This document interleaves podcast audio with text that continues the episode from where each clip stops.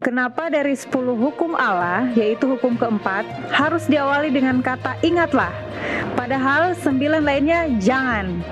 Mohon penjelasannya Pak Pendeta, terima kasih. Uh, baiklah, terima kasih. Ini luar biasa ini, pemirsa tajam. Uh, pertanyaannya sangat bagus-bagus. Sebenarnya bukan hanya perintah yang keempat, terima kasih Saudara Ferdinand Ramu.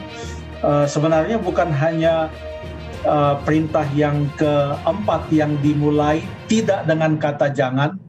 Perintah yang kelima juga dimulai bukan dengan kata jangan tapi dimulai dengan kata hormatilah. Tuhan Yesus berkata dalam Matius 22 ayat 37 sampai 39, hukum yang utama adalah kasih kepada Allah lalu kemudian kasih kepada manusia. Kalau kita jabarkan itu dalam 10 perintah Tuhan, maka perintah yang pertama sampai perintah yang keempat adalah kasih kepada Allah dan perintah yang kelima sampai yang ke sepuluh adalah kasih kepada manusia.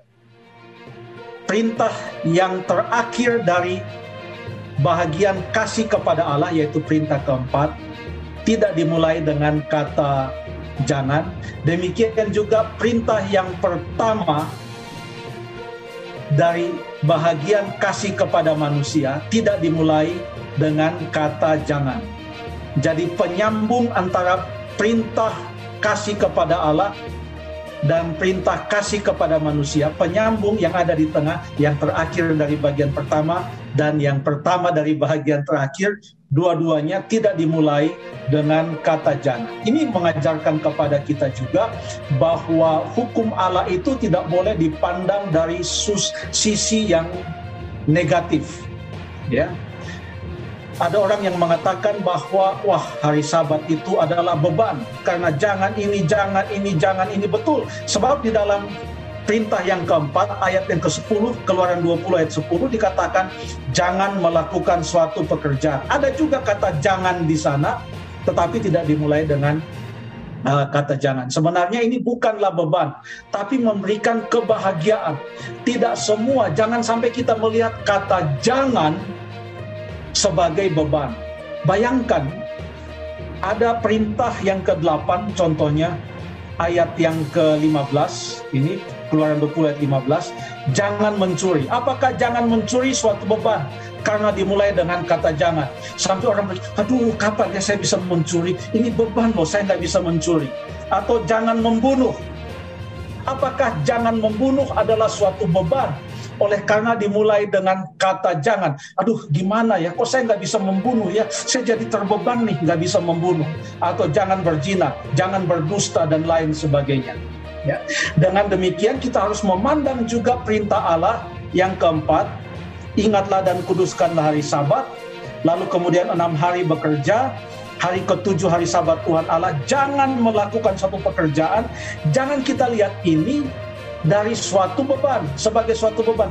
Justru ini adalah suatu kebahagiaan. Sebagaimana kita melihat juga perintah yang lain yang dimulai dengan kata jangan.